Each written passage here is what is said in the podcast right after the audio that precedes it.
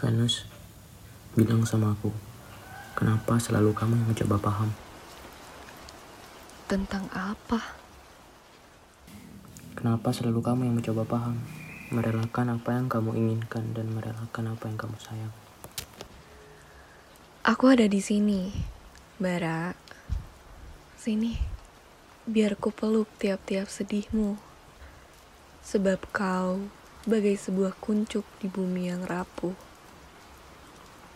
Tapi paling berani untuk tetap tumbuh. Kenapa?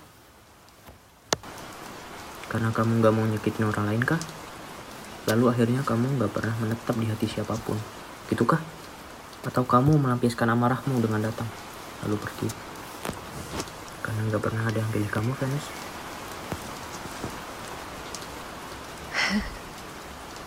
Karena mungkin aku adalah tempat pelarian yang paling aman